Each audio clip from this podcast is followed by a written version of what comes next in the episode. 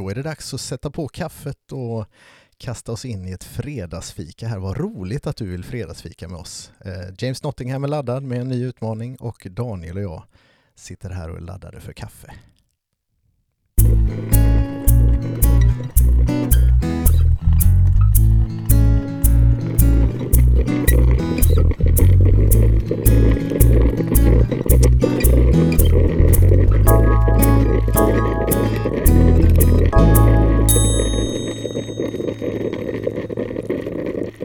Varmt välkommen till Fredagsfika med Daniel.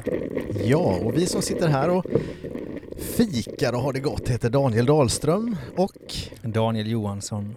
och vi är eh, två SO-lärare från Aneby i Småland och vi har ett väldigt stort intresse för allt som har med lärande att göra. Och även fika skulle jag säga. ja, Men jag har insett att det är svårt att dricka kaffe med en mick precis framför munnen. Ja, det, det är en utmaning, men jag tycker du gör det bra. Ja, jag har tränat några gånger nu. Ja, läget. Jo, men det är bra tycker jag. Eh, själv då? Eh, Det är faktiskt ganska så bra, Mm. tycker jag. Ja, våren har jag börjat titta fram, även om den fick ett bakslag här. Ja, här i veckan blev det ju lite speciellt med snö och grejer, men eh, ja, det ska väl bli vår.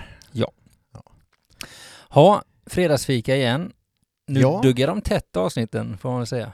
Ja, men det blir nu. lite extra tätt Ja. med, med lite olika varianter på poddavsnitt här. Mm. Vi kör ju på med, med våran Grit-serie Ja, om konsten att inte ge upp i Jag vill vara en lärare som. ja. Och här kör vi fredagsfika som vanligt. Precis, Mm. Ehm, så är det. Ja, Jag, jag satt igår i, för, på föreläsning eh, på Zoom mellan typ 3 och 9 igår kväll. bra. Ja, det var bra. Ja, men det var jättebra. Jag är så, jag är så laddad faktiskt. Vi ska göra en, en eh, elevstudie eh, i den här kursen jag, jag går i Stockholm. Jag tror jag nämnde den senast. Ja, det, vi pratade ju sagor sist. Ja, precis. Och, och Mm. lite på det. Jag ska göra en, en elevstudie där lite grann kring eh, elevers attityder till eh, eh, aktivt lärande med, med simuleringar och rollspel och sådär. Ja, Så jag satt och skissade på en enkät här i eftermiddags. det blir en enkät ja. Ja, det blir två Mm. enkäter tror jag. Ja, inga sen, eh, intervjuer. Eh, jag valde nog faktiskt att inte göra det. Ja, du behöver inte be om ursäkt för det. Nej, men jag hade med det i originalplanen men Ja. jag kände att det kanske blir lite för mycket. Ja, Eh, Det ska inte bli så stort. Det är, Nej, bara, en, det är bara mer av en liten förstudie eller vad man ska säga. Så. men det är alltid spännande. Jag tycker det alltid är spännande att eh, undersöka elevers attityder. Jag har Ja. mer och mer fastnat för det, för det är så ofta jag frågar lärare hur vi ska göra och hur vi ska tänka, men det är väldigt sällan jag frågar eleverna, har jag insett hos mig själv. Ja, men jag håller med och, och jag blir... Eh, jag är så nyfiken på vad det kommer att ge det här. Mm. Och det är en bra ingångs, ingång i det hela. Ja. Att man är nyfiken på Bra. detta. Ha, eh, ja, idag så kommer vi köra lite eh, reflektion av mig. Det blir väl spännande Daniel? Ja, men det ser jag fram emot. Ja, det Det hoppas ska jag. bli roligt. Och James Nottingham kommer prata Ja. också med någon slags utmaning som vi får ta del av. Ja, men det är också väldigt spännande. Vi ser vad han har att komma med idag. Mm. Och så, och kaffe har jag druckit här. Det var väldigt gott idag måste jag säga. Eh, Ja, men det, det är lite roligt det här för jag är ju i grunden inte en kaffedrickare. nej, men då blivit. Ja, men jag har ju blivit det nu. Ja. Eh, inte bara för att jag ska kunna göra de här avsnitten, men jag har börjat uppskatta det faktiskt. Ja, Eh, bra. Cappuccino har tagit mig in i kaffets värld. Ja, okej. Jag började faktiskt med bryggkaffe direkt en gång, men jag var rätt sen. Jag var 25, över 25 innan jag testade kaffe första gången. Ja, och då Mm. var jag 20 år senare. Ja, bra. Du, det här kaffet vi drack idag, Mm, eller dricker, det är trevligt. ja, varifrån Eh, kommer det? Kaffekassan, eh, vår samarbetspartner som eh, jobbar med att hjälpa klasser, lag och föreningar att tjäna pengar. Mm. Tjäna pengar, hur mycket då skulle man kunna tjäna? Ja, men upp till 67 kronor per produkt. Ja, så man säljer alltså produkter då, grejen, Ja. till den som vill köpa. Och då kan man, beroende på hur mycket man säljer, tjäna mer har jag förstått. Ja, men precis. Det är en liten stege där tror jag, Ja. som man tjänar mer ju mer man Mm. säljer. Eh, Är det bra grejer eller är det bara goda grejer? Vi tycker att det verkar vara väldigt bra grejer. Okej. Eh, Allt vi har provat. Ja, Sådär. ja. Men jag tänker som, jag undervisar mycket eh, om det här med att vara medveten som konsument och sånt där. Ja. Kan man Och- köpa de här med gott samvete? Ja, men vi tycker absolut det. Ja. Det finns ett hållbarhetsfokus här i hela konceptet och vi kan ju nämna idag bara till, till exempel att förpackningarna är det lite mindre plast i. Ja, bra. Och bara en sån sak är ju Ja. en, en markering att man vill någonting eh, åt hållbarhetshållet. Är det förnybara råvaror då? Ja, precis. Man har ersatt en Bra. del plast där med förnybar. Om man nu då skulle vilja sälja kaffe från kaffekassan, Mm. ja, då knackar man dörr eller hur gör man? Eller vad behöver man? Ja men vanligt sådär, man kan, alltså, det finns säljbroschyrer och Ja. det finns webbshop. Ja, Så bra. man kan välja lite hur. Ja. Och det är ju inte dumt nu när det är pandemier och grejer. Så är det ju. Så Mm. eh, gärna in på kaffekassan.se. För vilka då? Lag, klasser och föreningar.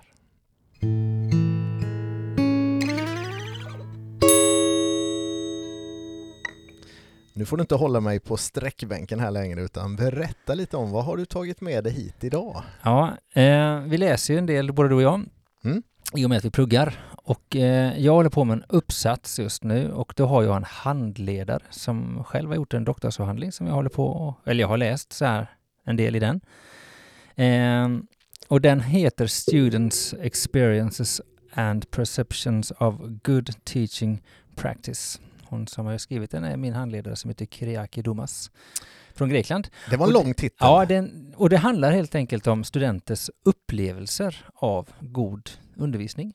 Mm. ja Och, okej. och när jag läste den här eh, eh, för några veckor sedan här så var det en sak som slog mig. Det fanns lite olika kategorier. En handlar om lärares involvering i elevernas lärande och i att undervisa ämneskunskap som en rubrik. Det låter kanske högtravande, men nu kommer det. Det var elever där som berättade att de i klassrummet då, och det här handlar om lärares attityder, hur de kunde känna sig avslappnade, hur de kunde känna att attityden från lärare var excellent som de uttryckte det. Eh, jag vet inte riktigt hur man ska översätta det på svenska. Excellent. Utmärkt, Utmärkt. kanske. Ja. Eh, hur, man blir hur man blir behandlad och förstådd av läraren. Hur man upplever att läraren faktiskt älskar eleverna som människor och att eh, lärare förstår elevers olika behov och personligheter.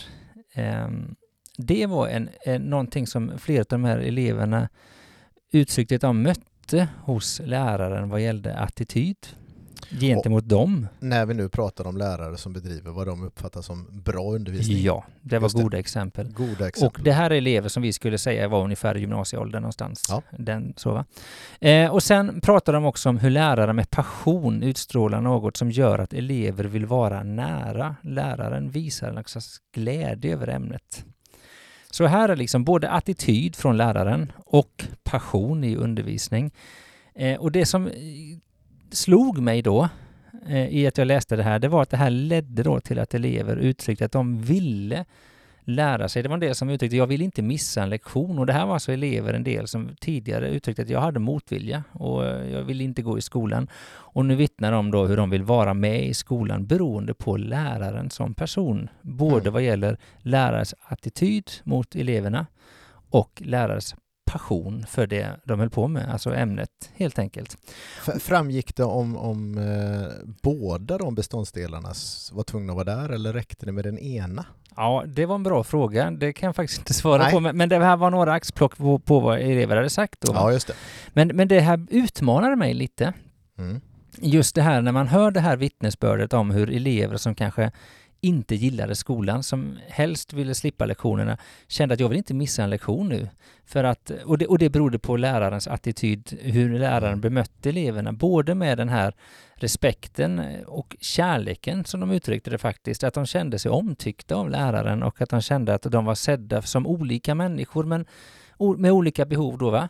Eh, men också det här eller lärarens passion för det man faktiskt sysslade med och att de tyckte om det. De, de berättade att läraren kom in med ett leende på lektionerna liksom, och liksom man är, insåg att den här läraren tycker det här är roligt.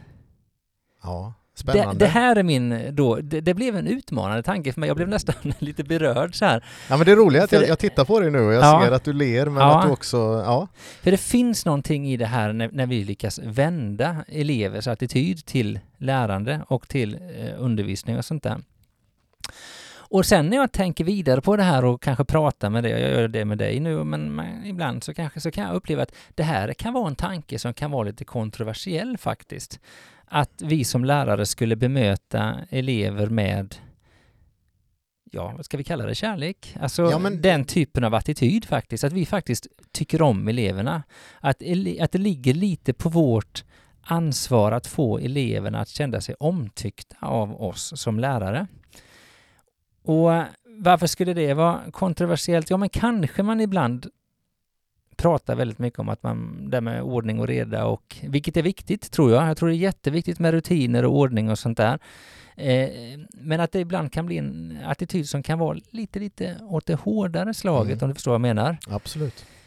Eh, och därför då så kan man ju tänka att det skulle vara kontroversiellt att ja men elever, ska de gå runt och känna sig omtyckta hela tiden? Alltså att det handlar om, är det elever som har rätt eller är det vi som lärare som har rätt till vad som sker i klassrummet? Rätt tolkning av det som sker.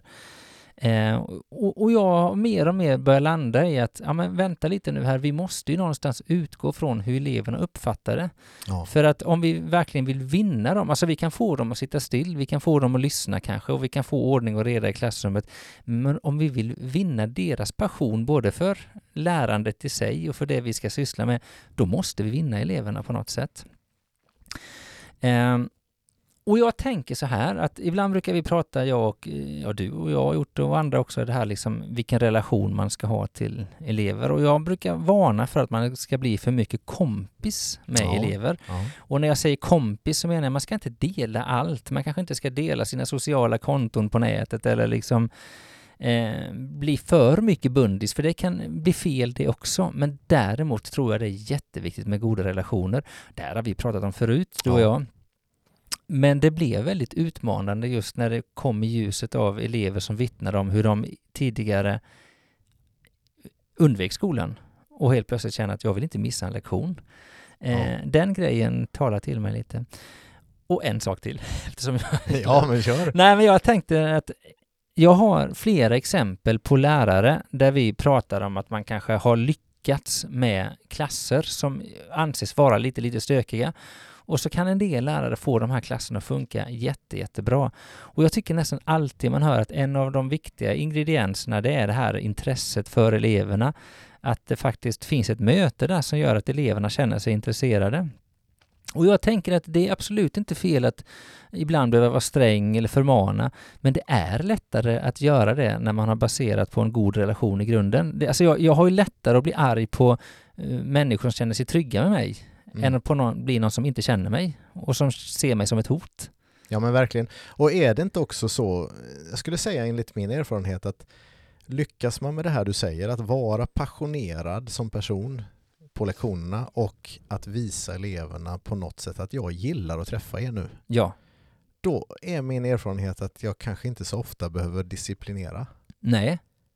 Det, Det- tror jag också Det så. hamnar inte där så ofta. Nej, Eh, och, och när det här har flutit på som bäst så får jag erkänna att jag har blivit förvånad nästan när jag har behövt ryta till någon gång. ja, För det är så himla sällan. ja, när man då, nu, nu vill jag inte säga att det här funkar för mig jämt, men jag, jag har ändå jag gillar det du säger och jag känner igen mig i bilden liksom Ja. att när man lyckas med det där så finns det en enorm kraft i det och jag tänker direkt utanför skolan också. ja, såklart. Vilken, vilken, vilket ledarskapstips här Daniel. Ja, jo men jag, det, Tänker jag. självklart är det så. Och det tänkte jag väl när jag satt och liksom försökte plita ner mina tankar här lite. Det Ja. här, Men jag utgår ifrån skolans kontext. Ja. Och det som är en grej som, jag tror vi varit inne på det förut också, som är en beståndsdel som är i skolan, är att vi har människor där som tvingas gå i skolan. Eh, om du har eh, en en eh, fritidsaktivitet så är det ingen som är tvingad att vara där. Men å andra sidan så kan det vara någonting som faktiskt behåller den som eh, eventuellt skulle få för sig att sluta. Principen är ju exakt densamma Ja. tror jag. Eh, och jag vet att vi har haft den här diskussionen med några av tränarkollegorna inom innebandyn och sådär. Hur, hur, hur, hur ska man vara som ledare nu för tiden? Mm. med ungarna. Liksom. Och jag tror att den här är mer aktuell än någonsin. Mm. Alltså de här grejerna måste vara på plats Mm. för att ett ledarskap bland unga människor idag ska fungera, Mm. tror jag. Mm. Och jag menar inte att det här handlar om att man ska dalta liksom och, och vara mesig inför eleverna liksom bara för att de ska få eh, rumstera hur de vill. Det är absolut inte det jag säger. Utan det handlar väldigt mycket om hur eleven känner sig bemött av mig. Om, jag, om de kan få en känsla av att ja, men Daniel är för mig. Ja, Han- Han vill att det ska gå bra så. för mig. Eh, så, Ja, och jag tror att elever är otroligt duktiga på att läsa av bara ögonen på oss. ja, Hur ser en lärare på mig? ja, Är det liksom en glimt och lite glädje, eh, värme, ja, eller är det med en viss trötthet och, och, och en inre suck? ja, Det läser de av på en mikrosekund liksom, och det gör hela skillnaden tror jag. ja, Och sen är ju inte vi mer än människor sådär, men det är bra att vara medveten om detta. Jag, jag köper det rakt av Ja. alltså, vilken, vilken utmaning.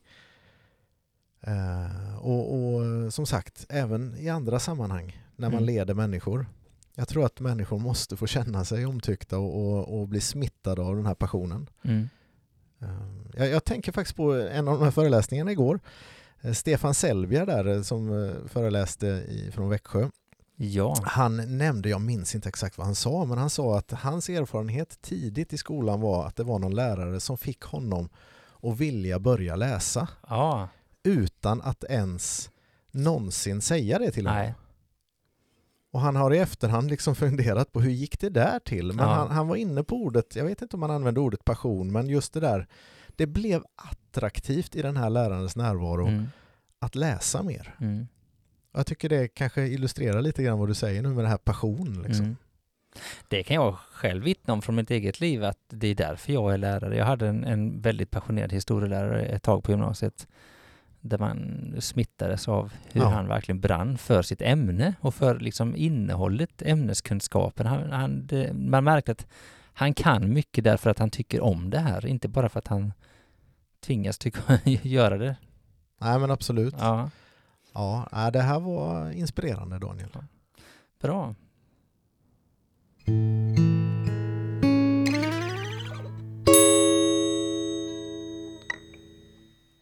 Från en sak till en annan. Ja, Eh, jag får nästan så här... ah, Jag blev så inspirerad Daniel, jag blir Okej. det lätt. Men eh, vi- ska ju gå vidare här lite grann och det finns väl risk att vi blir inspirerade igen, kan jag Ja. tänka mig.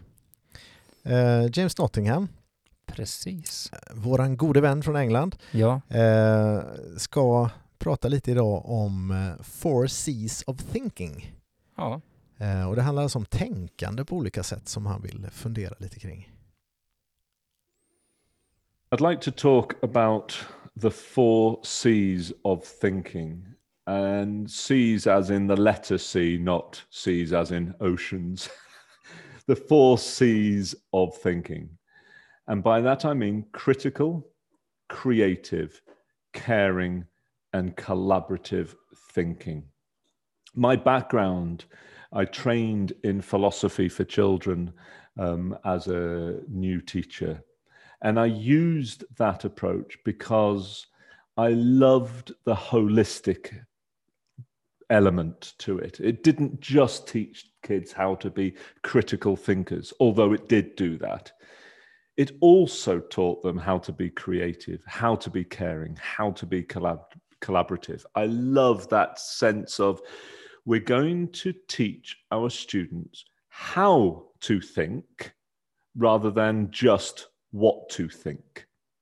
You see, a lot of the curricula around the world, it seems to me, identifies the bodies of knowledge that we should teach our students. They need to know this part of science. They need to know that aspect of history. They need to know this part of mathematics, for example. It's very much about bodies of knowledge. Running alongside that, it seems to me that we ought to also be teaching our kids how to think. And I like to break that how to think down into those four C's. Critical thinking is thinking why. It's about thinking through reasons, justifications, examples, counter examples, persuasive arguments. I saw something on social media the other day with, that I particularly liked, and that was every time we teach a child critical thinking, then a conspiracy theory dies. and I think, yes, bring it on. The more we can be critical in our thinking, the more we can recognize fake news the moment it's uh, spurted out, the better we will be as a society. However, critical thinking is not the be all and end all. In fact, Edward de Bono, who um, has contributed arguably more to the world in terms of what he calls lateral thinking, what you and I might call creative thinking. What Edward de Bono says is to be creative, you have to suspend your judgment. The best way to get a good idea is to get a hundred ideas. The problem is, if you are always being critical of every idea, you're very unlikely to generate a hundred ideas because what you will do is you'll dismiss lots of them for being ridiculous or impossible or impractical. And then you'll focus on one that you think is brilliant straight away. Whereas creative thinking, being entrepreneurial, being innovative is about generating lots and lots and lots and lots and lots of ideas and then thinking, so which of these are going to help us here? Caring thinking is thinking of other people. So, caring what you have to say, caring about your time and your space and your energy. So, perhaps um, it might be that I feel as if I've got lots to say, but I also need to care about what you two and indeed all your listeners are thinking, I need to stop talking and give you the time, give you the space. It might be that you're not trying to push in. It might be that you're listening, but then when there's silence, you might then think, oh, okay, I'm going to respond to this. And we have to teach our kids how to do that. So, caring is thinking of other people. And then collaborative is thinking with other people. And when you say something, I need to listen to it carefully. I need to perhaps question it. I need to make sure I understand it. And then I need to build upon it.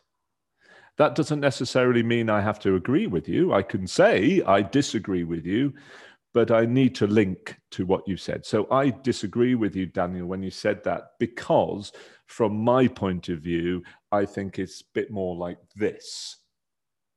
And that's collaborative thinking. If you contrast it with you say something and then I say something and then someone else says something and they're all totally unconnected with each other, we're all just getting an opportunity to say something. That's not collaborative. That's group think, if you will. It's just a group of people all thinking out loud and not actually connecting with each other. If I'm asked what's the purpose of education, I would have to say it's contextual. And I think that in Sweden, you put more emphasis on citizenship than they do in other countries um, I would say that you put more emphasis on entrepreneurial thinking than they would in uh, in certain countries. I suspect you enjoy entrepreneurial thinking way more than North Koreans do, for example. Uh, whereas they perhaps put being dutiful and and uh, um, worshipping the glorious leader way much much higher than you might do, for example. Um, in the UK, we put a lot more emphasis on humour than other countries do. We, so long as we're having a giggle, we don't mind what's going on, you know. So I think it's contextual, but actually, the global thing is I think we have to help students to be uh, articulate, to be literate, numerate, and I think we have to help them to learn how to think, how to be learners and the way in which I divide thinking up is those four C's critical, creative, caring, and collaborative. And my questions to you, Daniel and Daniel, are number one, do you agree? It, does that capture thinking for you, or is there an aspect of thinking that uh, you think I've missed there? And number two is where do you begin? What, what do your students need? Do your students need more critical and less creative? Of course, the answer is we, arguably, we all need all of them. But where's your starting point? Bra frågor, svåra frågor. Ja, oj vad jag sitter och tänker Ja. här nu, särskilt Ja. på den. Om, om han täcker in tänkande med de här fyra scenerna. Ja, ska vi ta dem critical, alltså kritiskt helt enkelt? Ja, det är inte så mycket C på svenska. Nej. Men, men critical ja, och sen är det creative. Ja, som är kreativt helt enkelt. Mm. Ska vi se om det håller, det är två K på svenska. Ja. Caring, Aj då. Att bry sig, eller Ja. vad ska man... tänker på andra har jag skrivit. Ja, omtänksamhet eller ja, att, ja precis. Och sen kollaborat... Kollab... Collaborative. Ja, jobbigt säga på svenska. Kollaborativt. Kop, koll, ja. Vad blir det på svenska? Det blir tillsammans. Kollaborativt finns det ett ord som heter tror jag. Okej. Mm. Men Även, även det. utanför den akademiska Mm. världen. Tänka med andra kanske. Just det. Mm. Nej men det här är, jag, jag, jag tycker det här är jätteviktigt. Eh, Mm. Så här. Eh, jag tror att det finns otroligt mycket i det här, just att tänka kritiskt, tänka kreativt, tänka tillsammans med andra, men också det här med caring, för den tror jag vi kan missa ibland. Lite så här, vi pratar mycket om att man ska lära sig tillsammans och att man ska vara kritisk och så, men, men just det här att faktiskt lyssna in andra, att tänka på andra, att låta andra ta utrymme och faktiskt jag låter andra komma till tals för att det är viktigt för att vi tänker och just det som han nämner det här att vi kanske tänker olika, vi kanske inte håller med varandra. Det där tror jag är någonting som är så viktigt att lära sig. Ehm, Blir det ditt svar här då på hans andra fråga? Alltså den aspekten vi, vi vill börja med, med våra Mm. elever. Den vi borde träna lite mer liksom. Ja, kanske.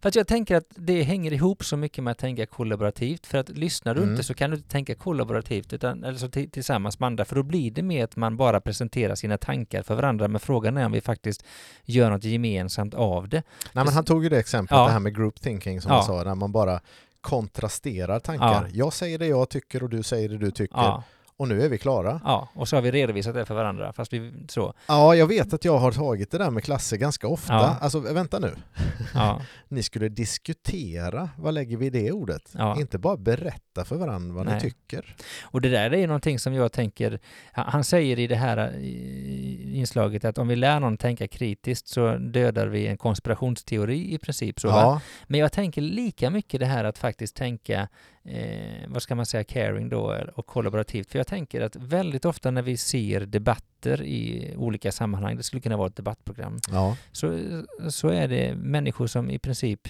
hävdar sin åsikt utan att på något sätt reflektera över vad andra säger. Ja, Jag tycker ja. ofta man hör det. Och det är som att den som talar högst vinner. Och och det där leder ju ingenstans. Det blir bara skyttegravskrig och snacka om att vi får någon slags polariserat eh, debattklimat. ja men verkligen. Och, och det där blir ju lätt ett, ett mönster liksom som, Ja. man, som man härmar eller sådär. Ja, Även om det kanske har med det syftet att, att folk vill klargöra var de står. Liksom. Det, det Ja. finns ju ingen så här konsensustänk i ett Nej. debattprogram. Nej, men nu ska vi nå inte. något. Sådär. Givetvis inte, men, men, eh, men det finns så många poänger och jag tänker även om vi tar i ett eh, sammanhang som inte är ett debattprogram att vi kanske ibland eh, har rätt eh, vi är lite rädda för att vi ska trampa varandra på tårna och sånt där. Att Mm. just det här att vi inte håller med varandra. Jag vet ju att du och jag har jobbat en del ihop i ämneslag där vi har eh, stor möjlighet och utrymme att vara oense och säga Ja. emot varandra och faktiskt tycker att det är något bra. Och det är tycker jag i alla fall. Ja men jag håller med dig. Och det är en väldigt kreativ kraft i det. Och jag minns för ganska många år sedan när vi började lära känna varandra att vi väldigt ofta kom in i diskussioner från olika håll. Kommer du ihåg det? Ja, Nu, nu händer inte det lika ofta för vi Nej. har liksom formats i varandras eh, gemenskap på Ja. något sätt. Men vi, vi hade faktiskt ganska olika ingångsvärden ja, ofta. ja. Sen, sen blev det ofta bra men jag vet att vi kunde, det kunde ta tid ibland Ja. för oss att diskutera sådana här saker när vi satt och hade ämneslagsmöten och sånt där. Och jag tänker att om vi skulle kunna bidra till att de elever som vi eh, leder, lär, eh, skulle tränas i det förhållandet att faktiskt lyssna och våga tänka olika, det tror jag är jätteviktigt. Mm. Mm. Jag jag tycker att de här fyra scenerna på något sätt sorterar upp det här på ett bra sätt. Ja. Det ger oss en bra vi ska bara översätta dem snyggt tänker jag, så, så kan ju det här verkligen vara ett verktyg att jobba Mm. med elever. Mm.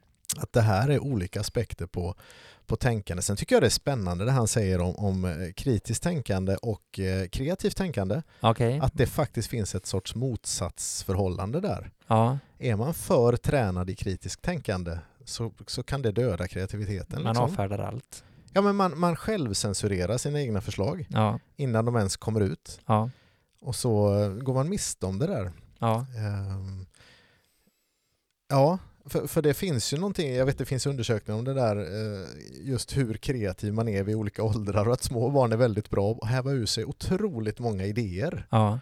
som kanske är orimliga och, och allt möjligt. Men i någon av de där orimliga idéerna så kan det ju finnas någonting ja. väldigt, väldigt bra. Men det är lite det som är grejen med brainstorm som man Ja. gör ibland, att bara spotta ur sig allt man kommer på. Ja, och det, ja, jag tänker på det ibland att jag märker att elever självcensurerar sig. Ja, De vågar inte säga allt de tänker för, för de tror att det här är nog inte, det hör nog inte till riktigt eller sådär. nej. Medan det kanske är där det skulle ligga den riktiga djupet i, i Mm. resonemangen. Mm. När det inte är innanför boxen riktigt utan det, det ja. Mm. Så, och så det där kreativa kan, kan utmana mig lite också. Mm. För blir man överkritisk så kanske det tar död på en del saker även i klassrummet. Mm. När det gäller kreativa diskussioner Mm. och, och spännande sidospår och det där Mm. som faktiskt kan verkligen bli bra. Mm. Och jag tänker att kritik behöver inte bara komma från mig, det kan ju komma från andra. Så ska vi tänka tillsammans och vi inte har det här som han kallar för caring då, då kan det bli överkritiskt från andra håll också, så vilket dödar ja, kreativiteten att man får kritik från andra. Att, Verkligen. Ja, Det kan räcka med en blick eller en kommentar eller Ja. någonting. ja, Och där har man ju som ledare ett väldigt ansvar ja, att skapa en miljö, ett, ett klimat där man kan känna sig trygg för att kunna tänka så här. Men just att träna elever i hur man tänker. ja. Eh, Det, det, där är ju, det är också någonting jag verkligen gillar när man hör det här att man ska träna elever i någonting. Vi, vi, ehm, vi är inte alltid så att vi tror att man är födda med alla talanger. Utan Nej. det är ju så att man behöver ju träna även det här. Ja. Eh, och det handlar inte bara om att träna sig i faktakunskaper, att träna inför ja, den typen av test, utan faktiskt träna. Och då behöver man goda exempel. Sen är det så Eh, att en del elever kommer ju vältränade Ja, till skolan. ja, För de gör kanske jättemycket där hemma. Tränar sig i tänkandet. Ja. Får hela tiden utmaningar vid, i samtal med syskon och föräldrar och, och sådär i en miljö så. ja, Och en del har inte alls med sig det. nej, Och det gäller att vi tolkar det på rätt sätt också. Att eh, en del är tränade och en del är otränade. ja.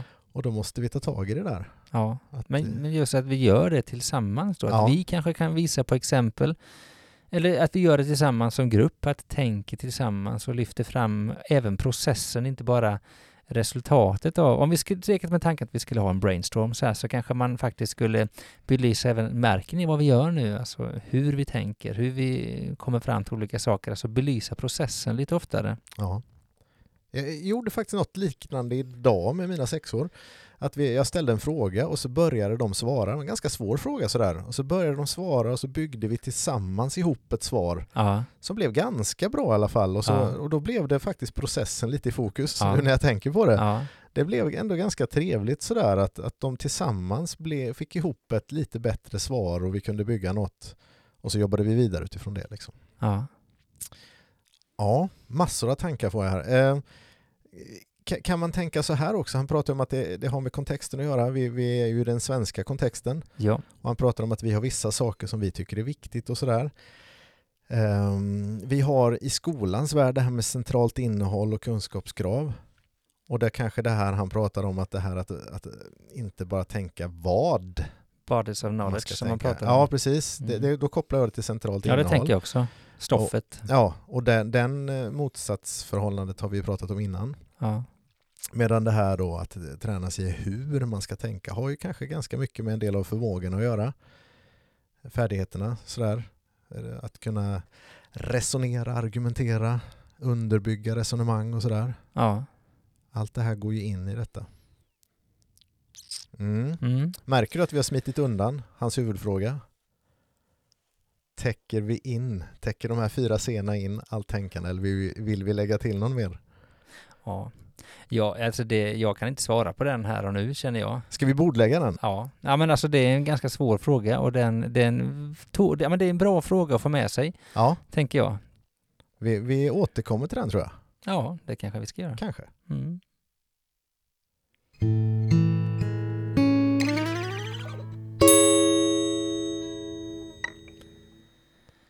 Ja, vi brukar ju här på slutet bara sammanfatta lite det vi har sagt genom att försöka skicka med två stycken frågor eller funderingar eller vad man kallar det för. Mm, ja men precis. En från reflektionen som jag hade och en som James hade.